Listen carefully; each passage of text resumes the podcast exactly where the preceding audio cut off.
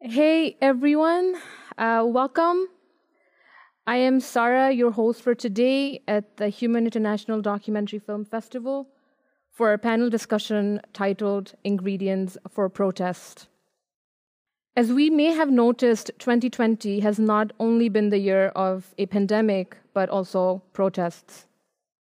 In Asia, citizens have stood their ground in Hong Kong's pro democracy uprising and shaken the roots of Thailand's monarchy. And in the largest and the largest farmers' protest in history is currently taking place in India. Ingredients for Protest explores some of the novel strategies used by contemporary movements for social and political change.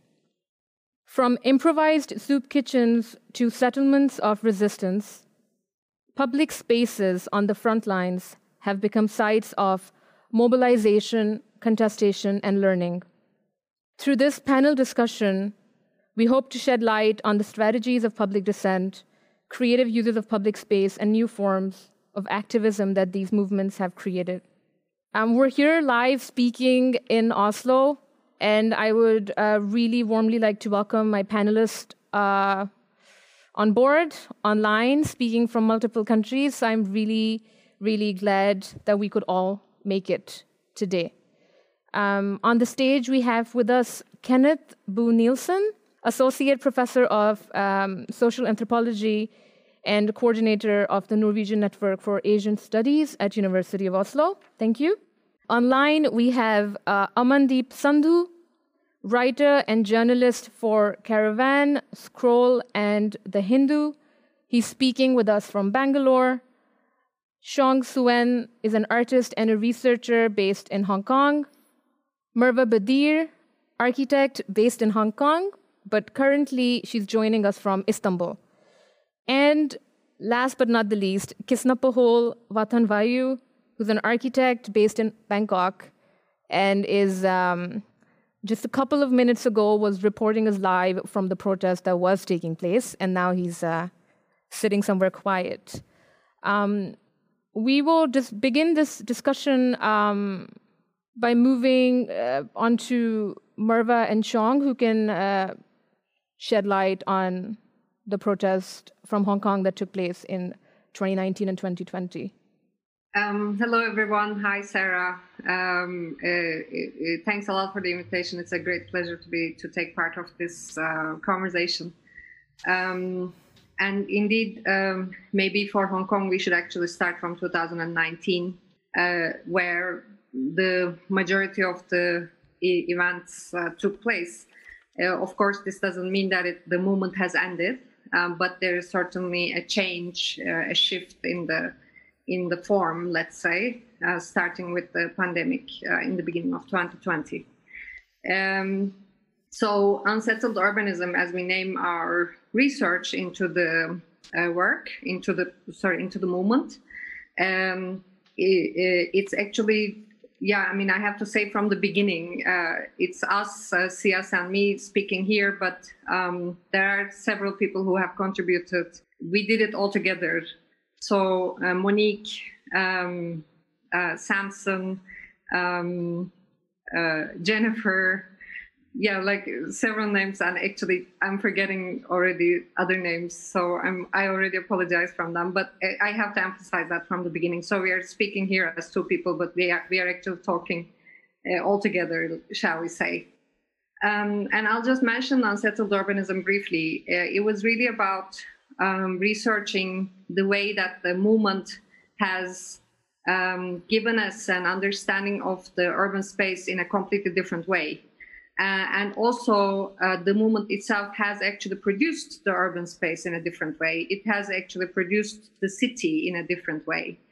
Um, for us, uh, uh, uh me being an architect, um, but at large urbanist and practicing as such, but also teaching at the school at Hong Kong University, and also having been through Gezi protests, for instance, in Istanbul, in my, let's say, high time, um, it has it of course has a has a um, uh, has a deep uh, political um, uh, meaning relation etc but for us be, be, beyond that and in addition to that it was very important to see how um, this kind of um, a, a movement that is so widespread can actually propose a different kind of spatial contract and a different kind of spatial understanding and a different kind of urbanism.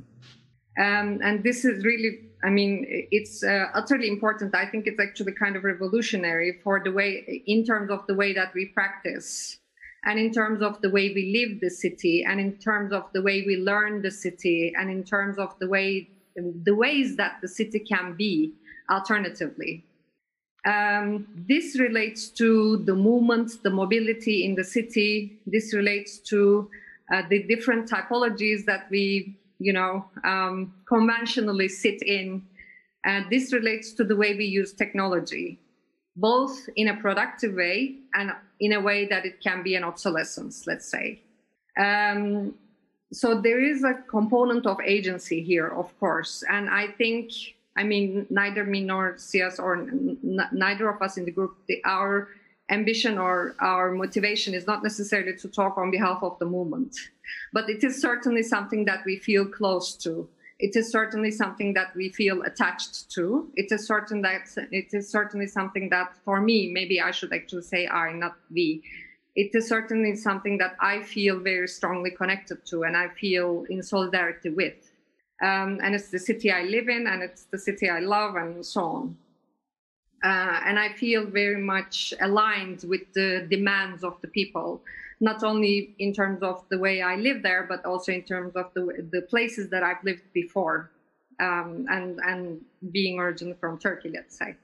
So um, the the the one part of it was so basically what we did with uh, unsettled urbanism was um, in three parts, and that could be maybe what we put forward what I put forward now, and then CS can just pick up on that and add things or could also take it in a different direction.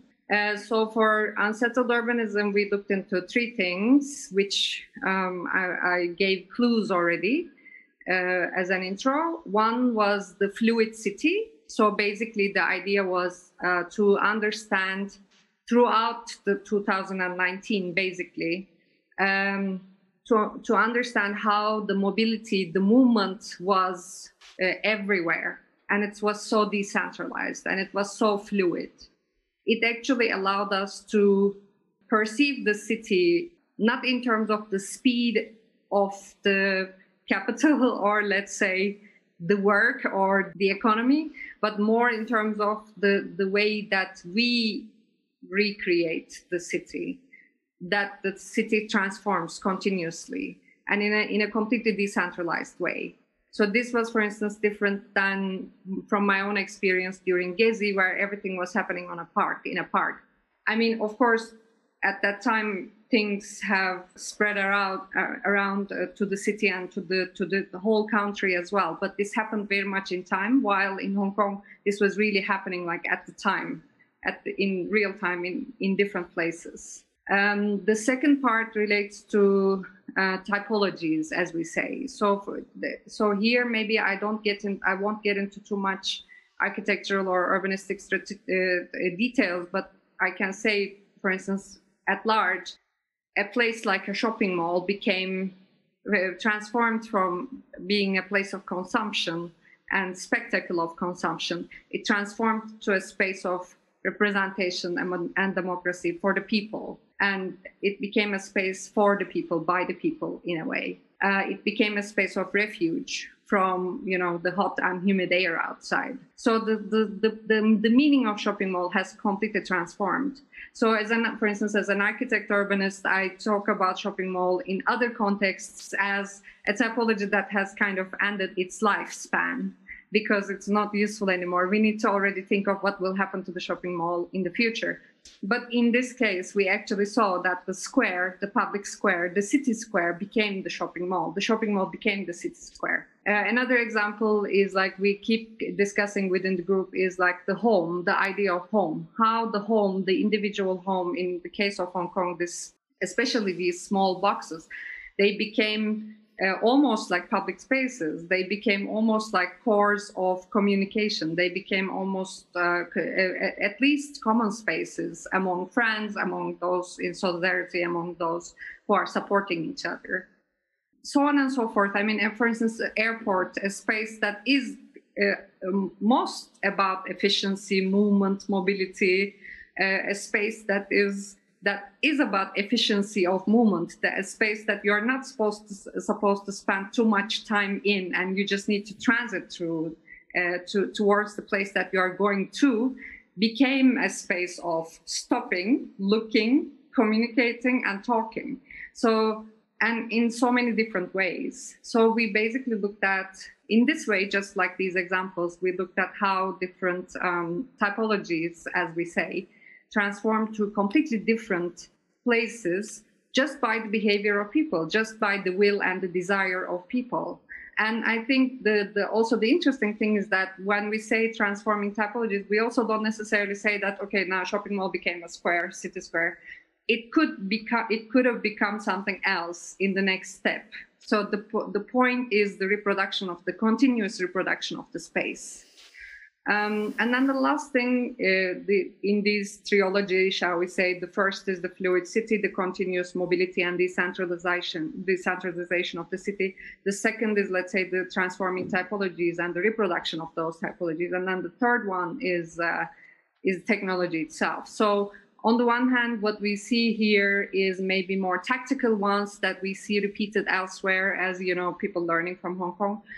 It's actually how we, we have seen these um, um, tactics having been generated as, having been produced as very novel killers, let's say, to the generic technologies that are produced to kind of monitor people and to kind of register people. So this starts from, you know, using the the the uh, um, the leaf blower to push back tear gas, or like the the um, uh, to to pull down the the CCTV camera uh, against mask uh, uh, reflecting a digital face on your own face uh, and so on and so forth. So like there there's this part of technology the use of technology let's say in a subversive way um, but empowering people and then the other side of it is um, uh, is the the way the open technology how open uh, the use of open platforms, the open uh, source platforms, how it actually also enables the people to organize and how this organization actually sits at the core of all those other acts that we I have just told you about. So people, uh, the way that people organize through forums, through through apps, through um, through the use of digital platforms, actually um, enabled how uh, enabled the, the this super young movement to spread all around the city and to decentralize and to transform and to be in, in different in different ways. So for me, you know, the, the way that, for instance, again, I always refer back to Gezi. Um, when we were talking about Gezi, when Gezi was happening, uh, there was always this talk like we have to be in the square, we have to be, we have to always occupy the main square. What we saw in Hong Kong, like we don't have to. Actually, it is not a good idea to be in the city square. It is a good idea to be elsewhere and to kind of mm. use it to your advantage. And actually, at the end of the day, I think it is really more about, uh, let's say, when we talk about the in- ingredient for protest, like the point is not necessarily to be protesting all the time, right? The protest is to meet the demand. I mean, nobody wants to be on the street all the time, not for six months, not for eight months, not for 10 months. So when I'm talking about these uh, these points about technology, about uh, typologies, about fluid city, there's certainly something there about an urbanist and architect wanting to learn from the from the movement itself, and there, there's in that sense definitely an an an, uh, an excitement and a kind of um, um, admiration to what has happened and the the, the, the ambition of the people. Uh, but there's also, on the other hand, something to emphasize that um, the idea is not necessarily to glorify protest itself. Not that we, not that I'm also avoiding it, but the idea is to kind of meet the demands of the people. And this is the part that I think that I find very important. And more and more, what we see is that it is like a continuous struggle. But how and when and and and how on earth is those demands going to be met not just for hong kong not just for istanbul but like all of these places that we are talking about so maybe i don't know how, how long i spoke. If i spoke for too long i'm sorry. But i can pass it on to cs and she can add um, yes. So I think um, initially when we decide the name of unsettled urbanism, it was really highlighting the agency of people, because when we look at the research, it's really abstracting the urban spaces and understanding, analyze it and the typologies, which is uh, very like uh, urbanist thing to do. But what we are discussing in the research is also the production of relationships in these movements, and we are using uh, the entry point of space to analyze it. And maybe I will uh, carry on the three layers of the research and how it could align with the discussion today. Because I think ultimately when we look at these spatial types, is actually a very important ingredients of the whole protest as well. Because we were seeking, um, it's not only seeking refuge in the moments of conflict. Uh, taking the shopping mall as an, as an example, it's not like uh, it is only refuge, but it's also a site where people come together and build the solidarity by just exhibiting uh, the thoughts through the banners, which they hand drawn themselves and put it super big and hang it from the ceilings using balloons.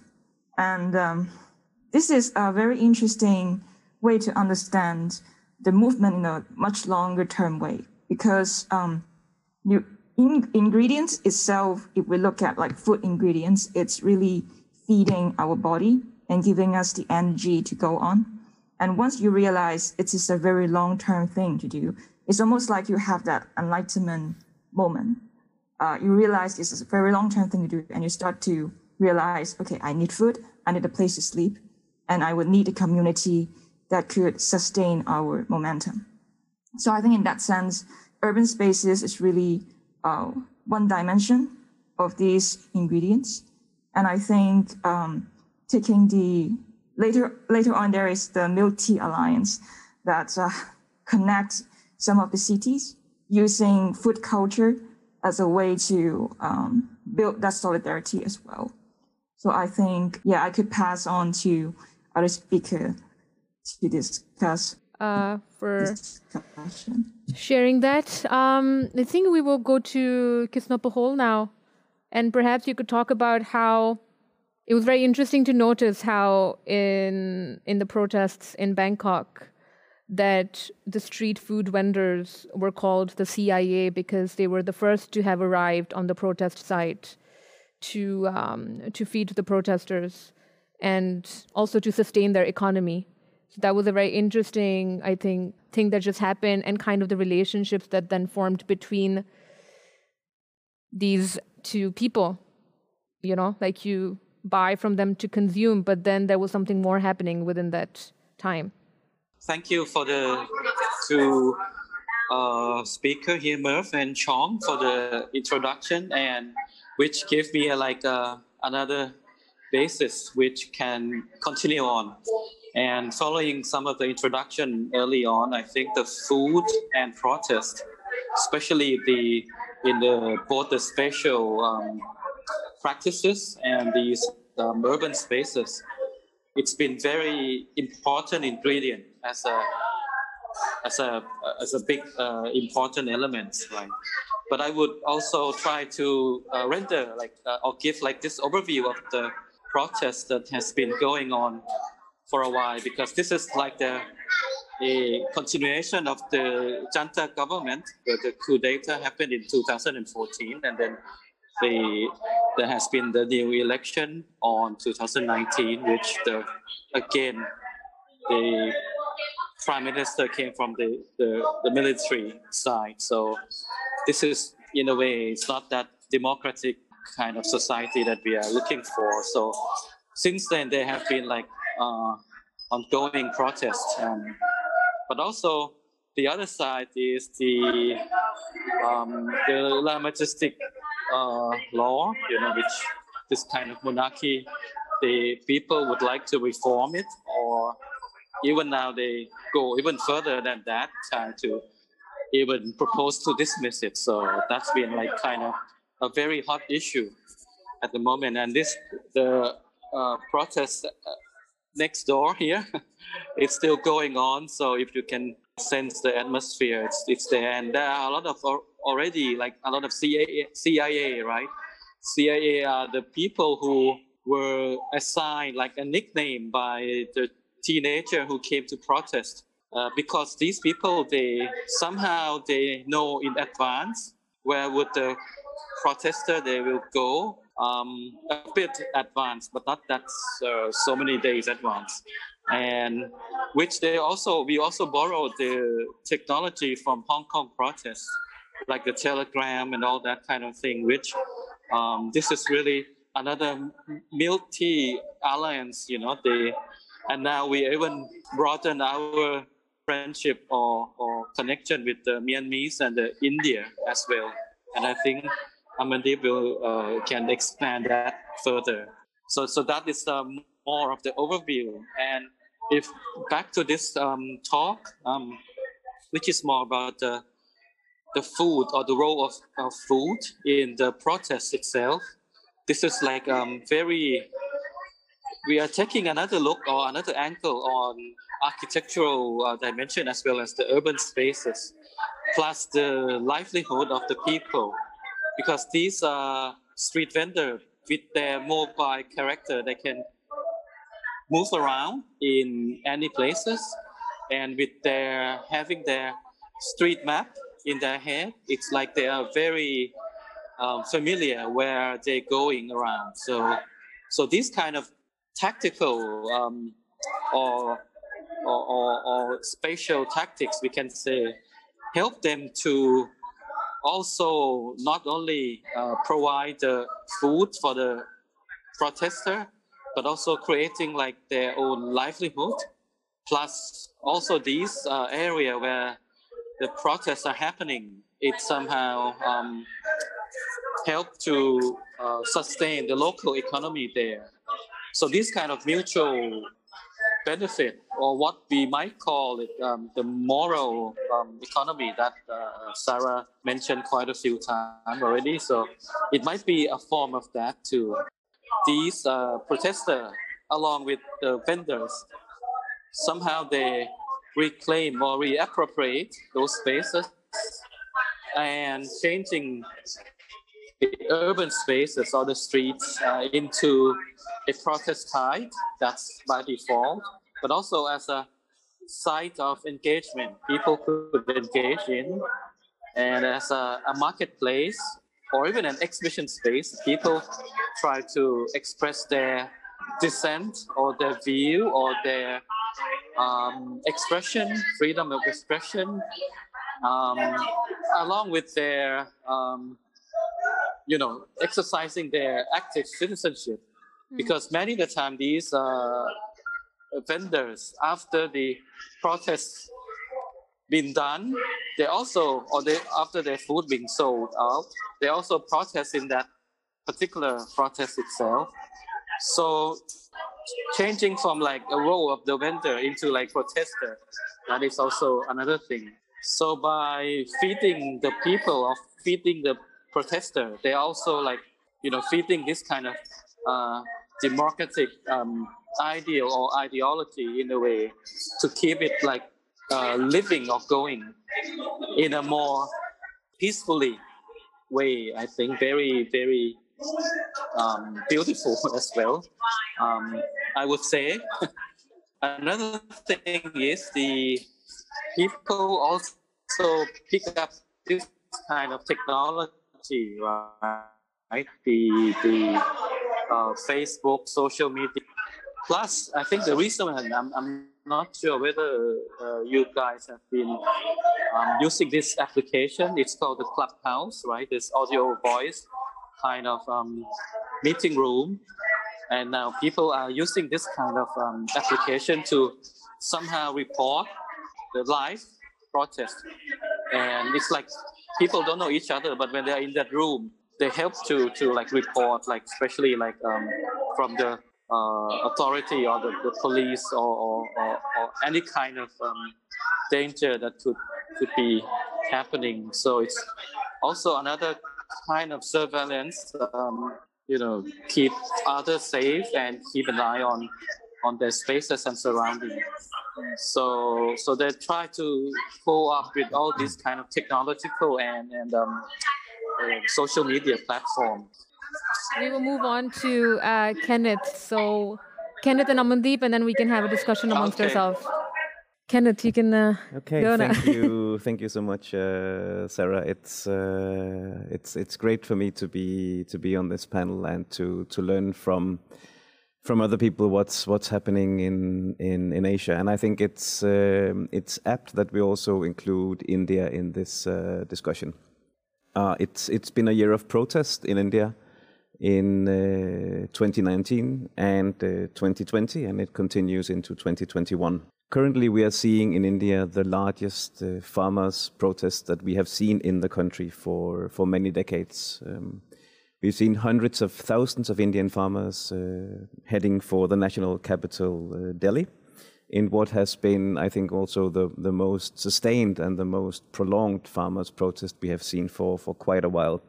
Uh, it's been going on now for, for more than 100 days uh, since farmers, predominantly from northwestern parts of India headed for the national capital in, in late November, and it continues to, to this day.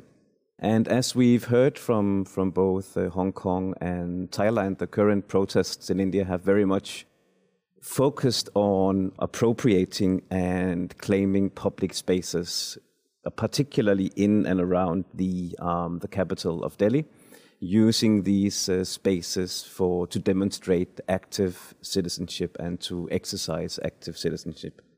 They've also, to a large degree, centered on food because the protests in India have been triggered, you might say, by the implementation of three new agricultural laws that were passed by the Indian Parliament in uh, September last year. And they have uh, such long and complicated names that I now have to take a look at my notes to, to explain what these bills are called.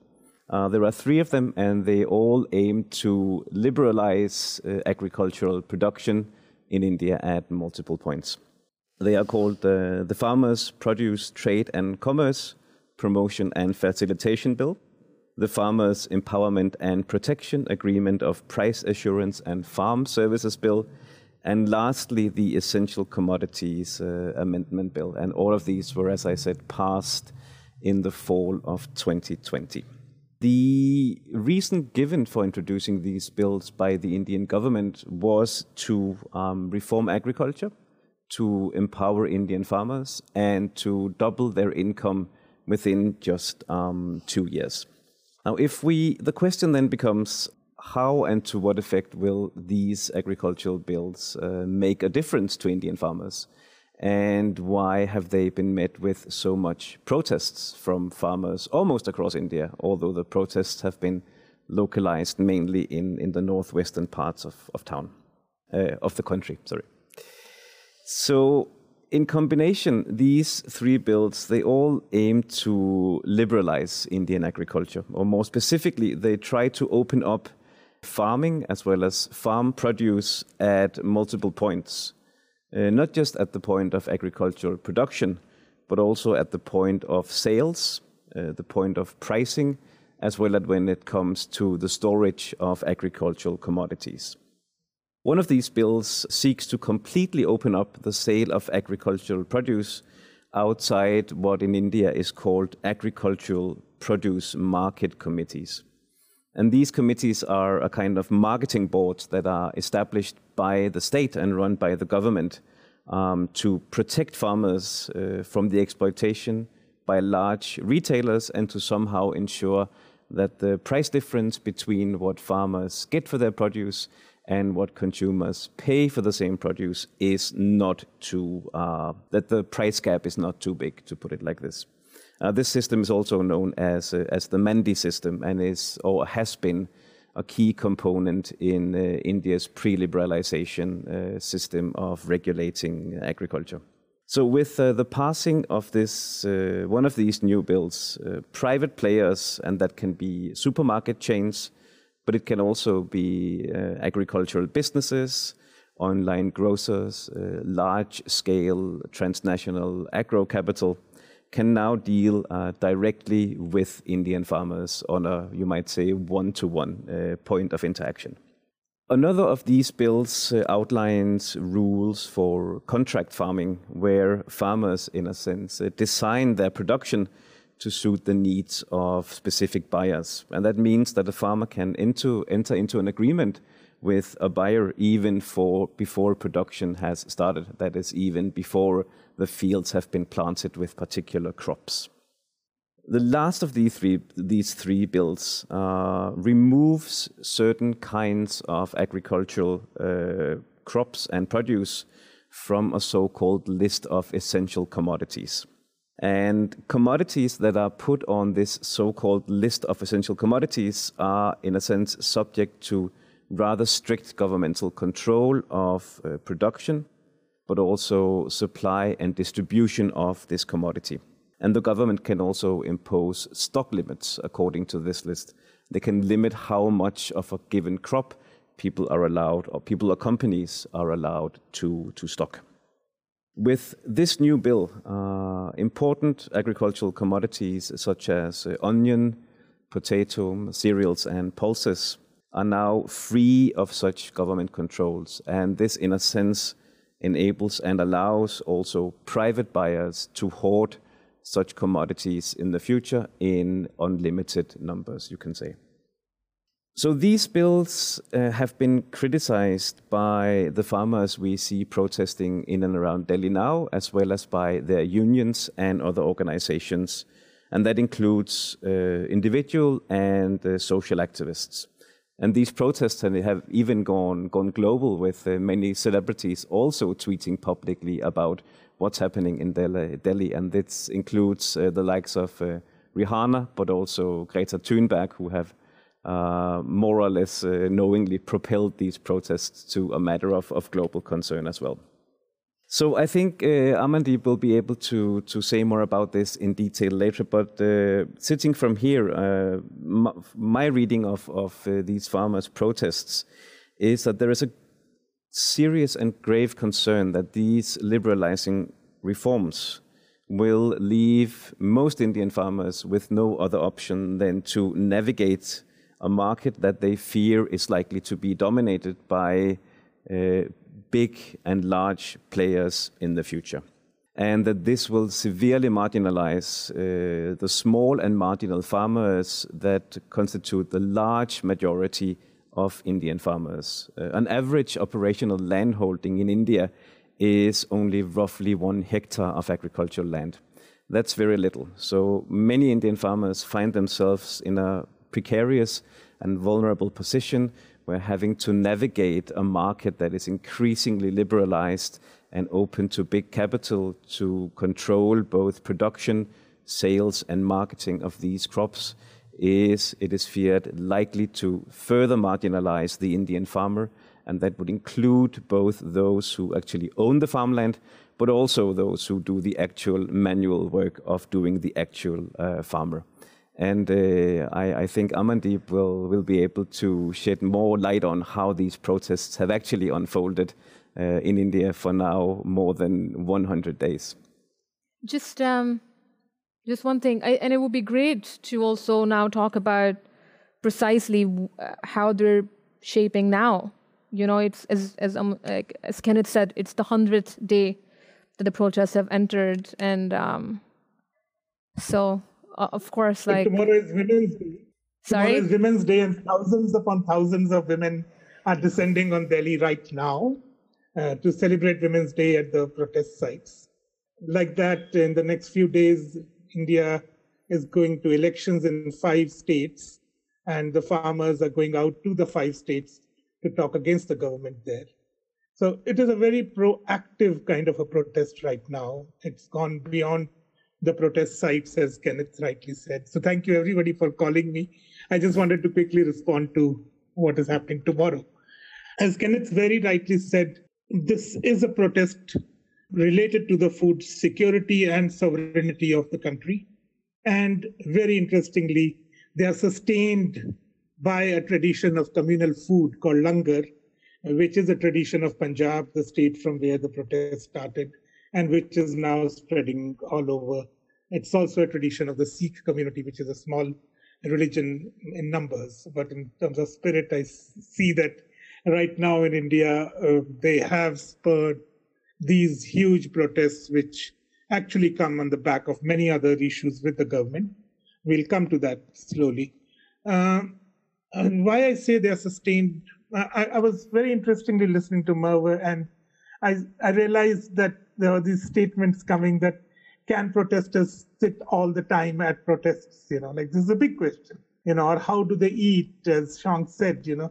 And uh, well, these protesters started protesting in the state called Punjab uh, right from June actually uh, to 2020 when the laws were not yet formed, but only ordinances had been notified.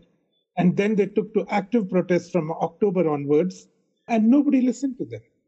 Uh, so then they decided that they shall move on to Delhi. And the way they have moved on to Delhi in terms of urban spaces is like they have come, they marched onto Delhi. They were stopped big time by police with water cannons and tear gas and trenches on the ground and barricades. They broke through all that. And, but as one barricade came down, they stopped and they served langar to the police you know. So this is the tradition of langar the, the food um, that has sustained the protest. That's why i said that in the beginning.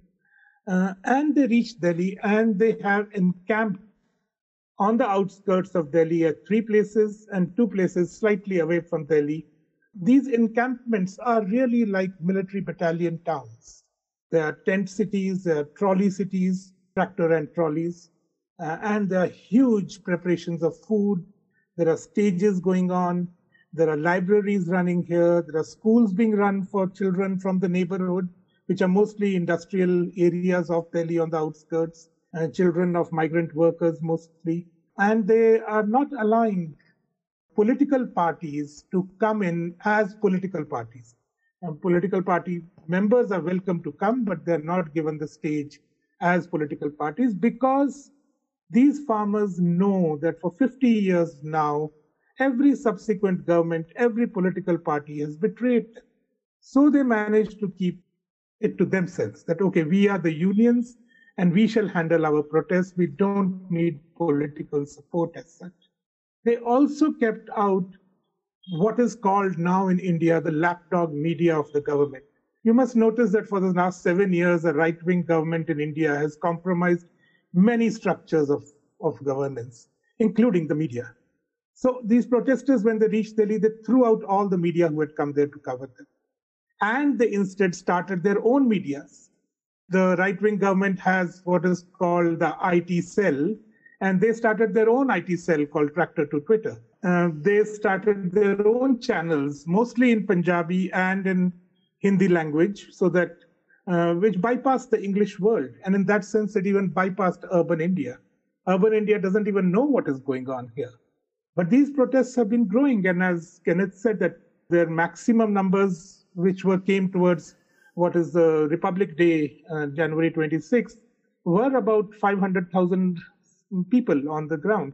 Right now, it is back to about 100,000 because the sites are there, the camps are laid out, they can reach in a few hours notice which they did when one leader called them. So it is ongoing and it is it is spreading in the sense that across north india in many districts and smaller blocks there are these large gatherings taking place which is called the mahapanchayat in which the farmers the women the elderly and even on the protest sites that is a very important demographic of this protest that there was children there. There were men of course who are women also took leadership roles in the protest. But now what they're doing is they're doing these large mahapanchayats across north india in states like punjab haryana rajasthan uttar pradesh uttarakhand. And basically everybody is vowing to oppose the ruling party until they repeal the three laws. There have been series of negotiations with the government which have now stalled for the last 40 days, but every time the unions would insist on repeal of laws and on what is called the minimum support price, which is basically an income guarantee to the farmer. And these are the kinds of things that they have demonstrated in the protests. There has been an overflowing number of songs, protest songs that came out, which helped rally the youth with the protests. Uh, about 500 songs in three months or so. And while we were sitting and discussing, there was a question on COVID, and it is an important question. Uh, there again, there is in India a sort of a trust deficit in the government. We do not know how the government is handling COVID. Initially, they started with a kind of bravado of a lockdown, which actually led to 30 million workers having to walk back home hundreds of kilometers. These are the people who have built our cities. And then suddenly the economy tanked, and then they started reopening everything in a hurry. The numbers climbed up. We have become the second largest nation in the world with COVID cases. And then all data is being fudged. Right now, we don't even know whether these vaccines are good or not, which we are being asked to take. One is the Indian version, which hasn't even done stage three. Documentation is not available.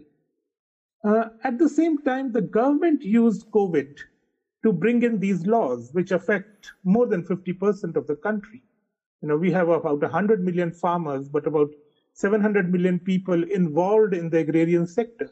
And all of them will be devastated. Uh, the Essential Commodities Act is so required in this country because otherwise 67% of the country is poor. They are dependent on government rations. If the government is going to pull out of procuring food, then how are they going to sustain themselves? So these are big questions which affect the whole country. And the farmers really realize that either they will sit at home and COVID would kill them, or within two years, these corporates would kill them. So they said, okay, to hell with COVID, we march on. They marched on. There have been many, many health camps by many doctors supporting the protest. Uh, now there are three or four makeshift hospitals on location. And I have been talking to doctors to understand why hasn't COVID hit them? And the reasons which nobody knows for sure, but the two reasons were that one, it is open air. And there's a lot of wind blowing all the time, which actually is a good reason. And second is that at that point, at least until two weeks back, the pandemic was the first wave was waning in India. It was going down. Now the second wave is beginning to hit. We don't know how it will go, but we are definitely sure that the farmers are at it. The farmers have now spread to about 20 states out of 29 states in India. The movement has gone across. The party which is in power, which is contesting elections in all these states, is going to have a rough time we know that there are ways in which they manage to, you know, win seats. They might win, but the protests are on. And right from the beginning, most of the farmer leaders I talked to were very clear that this protest is for a year, two years, three years. They are very sure about it. Now that they have suddenly completed 100 days, the lapdog media was not talking about the protests and is suddenly saying, oh, they have completed 100 days. That just means nothing. These protests are on, they are strong, they are going stronger, and there is first time an anti-incumbency built against the government, which has been so arrogant that year after year it has brought in laws which have been draconian by nature. I will just list them out towards the end. 2016, they demonetized the economy. The poor were so badly hit. 2017, they implemented the goods and service tax. The trading class was badly hit. 2019, they they abrogated Article 370 and 35A in Jammu and Kashmir. That was a moral question for the country. Very sadly, we did not rise. Uh, 2019 and they brought in a citizenship bill which questions our rights of birth in a country. 2020, they brought in the labor code as well as the farm laws. Uh, one last statistic there is a date in this protest which is considered the greatest strike anywhere in the world in which 250 million people joined.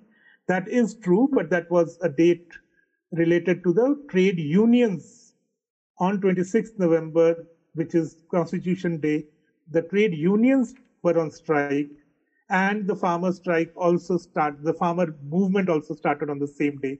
So, so it's sometimes conflated the two figures, but that is true. Thank you. Thank you. I can see Merve wants to say something. Yes. I I mean I, I just wanted to add um, uh, just because it's about food and COVID now, and each of these locations have their particularities. Uh, for Delhi, shall we say, uh, or other locations in India, uh, for Hong Kong, for Istanbul, for for Thailand, Bangkok, and elsewhere. But for sure, the the the, the idea of food security and the uh, the impact of COVID is interesting to touch upon. For COVID, so maybe I mean I would definitely like CS to add more on this, but uh, for COVID, I didn't, especially in the beginning. Uh, later on, with other draconian laws uh, in Hong Kong, things have shifted to other directions. But especially in the beginning, in January 2020, the fact that the virus was in Hong Kong didn't necessarily put people apart.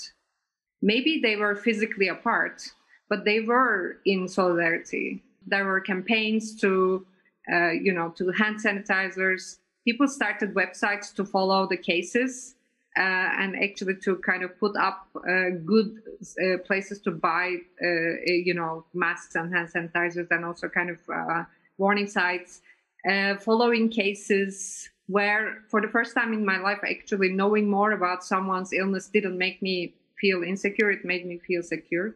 It, it things like that like I, or like uh, organizing campaigns to sanitize uh, subdivided flats in hong kong which is for the lower income people etc etc so the, the same people who were on the street have organized themselves in a way to, to continue to be in solidarity. Uh, and this means that uh, covid doesn't necessarily mean social distance. COVID, COVID doesn't necessarily mean that we are separated from each other.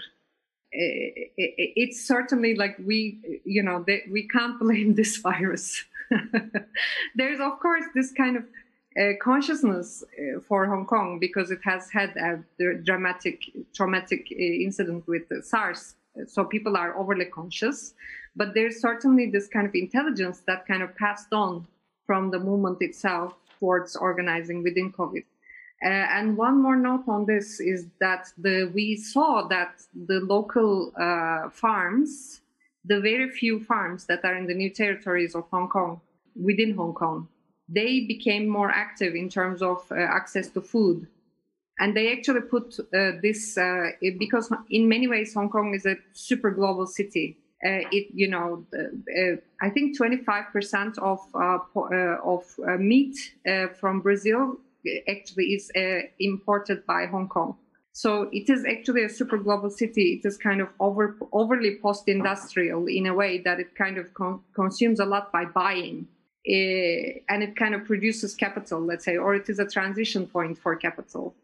So, but but what we have seen with COVID is that these local uh, farms are extremely important and it's very important to keep that um, that uh, again decentralized way of producing and the small uh, production uh, and the the the, uh, the um, yeah the organization around it.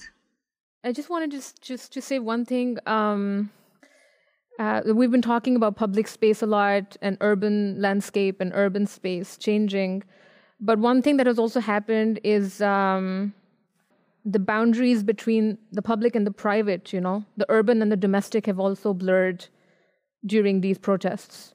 Um, I think we were speaking with Amandeep like two days ago when you told me something about there's a certain number of people that can be perhaps be there on the site, but then people are taking like swapping um, positions. Like if one goes, then other comes by. Uh, could you? Yeah yeah, uh, in fact, I was again in Punjab last week, oh, no. and I saw how immaculately sending a number of people every week, and then the previous, uh, and it, it's it's come to a super professional level now, and that is why there is no fear that the numbers are less or more because anytime you want, there can be thousands available there within five hours. You know, it's it's just. Um, the, it has gone to another level of planning and execution, these protests on the ground.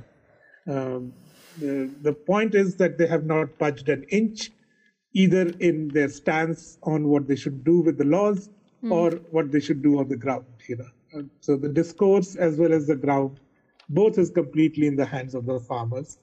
Um, media could choose to ignore it; it does not matter at all. The fact is that the governments, all all state governments where the ruling party is uh, active, are scared. What is going on, and uh, it has uh, endemic to India. We know that the right wing government came on power on religious lines. But this time it is the trade, the profession of the people, uh, which, which is farming, which has brought them together. And not only farmers, but as Kenneth was saying, the landless labor is also with them. Uh, the most underreported demographic in farming is the women farmers. The women are with them. Yep. Uh, the traders are with them.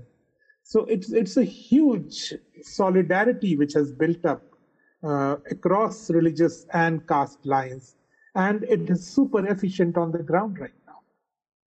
I don't know, but then can we can we say something like um, that these protests are pushing the boundaries and limits of human compa- capacity and overturning uh, norms in terms of how cities, cities and societies can function?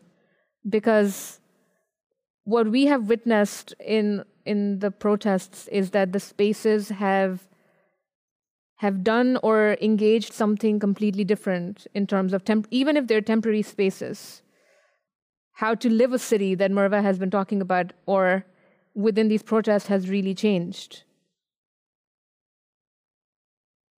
I think Kisnaphol should answer. He has had less time.